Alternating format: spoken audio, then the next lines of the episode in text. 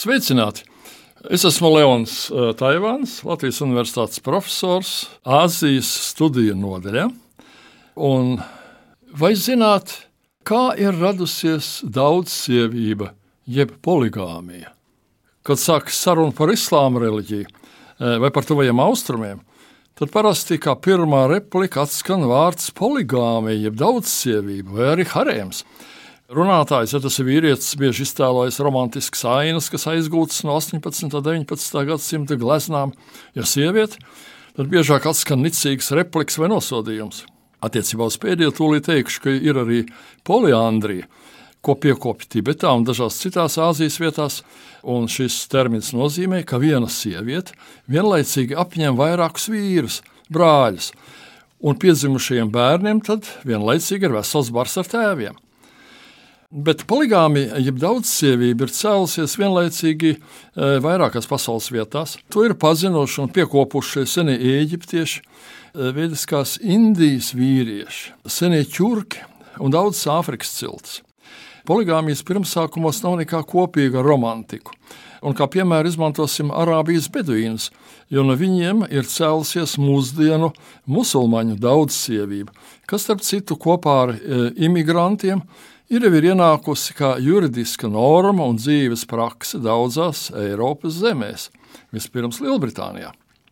Arābijas beduīna laikā pirms Muhamada un viņa sludinātās reliģijas, tas bija pirms 7. gadsimta, bija tūkstnešu klejotāji. Beduīna dzīve bija pastāvīga cīņa, vispirms ar bādu, jo tā arī izcinājās tūkstnesī, kur nekas neauga. Un tūkstoši beduīni sev sauc par kamieļu cilvēkiem, ahlbaīri. No kamieļa piena viņi taisa šķidru augstu putriņu, sajaucot pienu ar miltiem, un tas viņiem ir pamatēdiens. Kamieļa izkārnījums rūpīgi savāc, žāvē un izmanto kā malku, jo tūkstnesī taču neaug koki.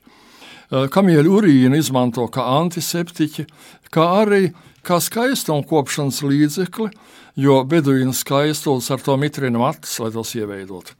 Kad pavisam nav ko dzert, tad kamieļa mutē ieliek sprunguli, lai viņš atvēmja ūdeni, kas ir kuņģī. Divas, četras dienas tur bijuši ūdeni vēl var dzert. No kamieļa ādas taisa apaus, no vilnas sēgas, bet kamielu nokaut var tikai ārkārtīgi retos gadījumos, jo kamielis ir arī nauda.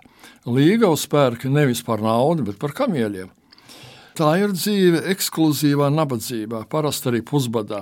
Un tādēļ arābu beduīns parasti karoja viena cilts ar otru, lai atņemtu te pārtiku.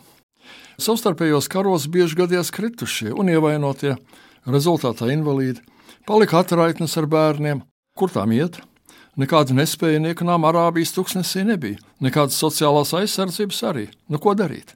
Tagad iedomāsimies situāciju, kad silts vecākais šeiks pienāk pie jauna, stalta un spēcīga beduīna un viņam saka: Draugs, tu zini, ka Būs Huseins ir kritis kaujā. Ir palikusi zainaba ar trim bērniem. Būs tev jāņem viņa par otro sievu. Nu, šito rāganu nemūžam izlaužas par beduīnu rūpām. Nekā, atceries par asebija, cilts lojalitāti. Tā ir augstākais mūsu dzīves likums. Tev nav tiesību teikt nē. Es tev esmu teicis. Apmēram tāda būs bijusi šeiha atbilde. Islāma reliģijas pamatlicējs Muhammads pārņēma seno beduīnu paražu likumus un padarīja tos par reliģijas likumiem. Paņemamo sievu skaitu viņš ierobežoja ar četrām, acīm redzot, ieviesdams zināmu kārtību. Pašam gan viņam bija 11 sievas, no kurām tikai viena, viņa trešā sieva, Aiša, bija jaunava. Vispārējās bija atraitnes, kuru vīri e, bija jaunos gados gājuši bojā kaujās un karos.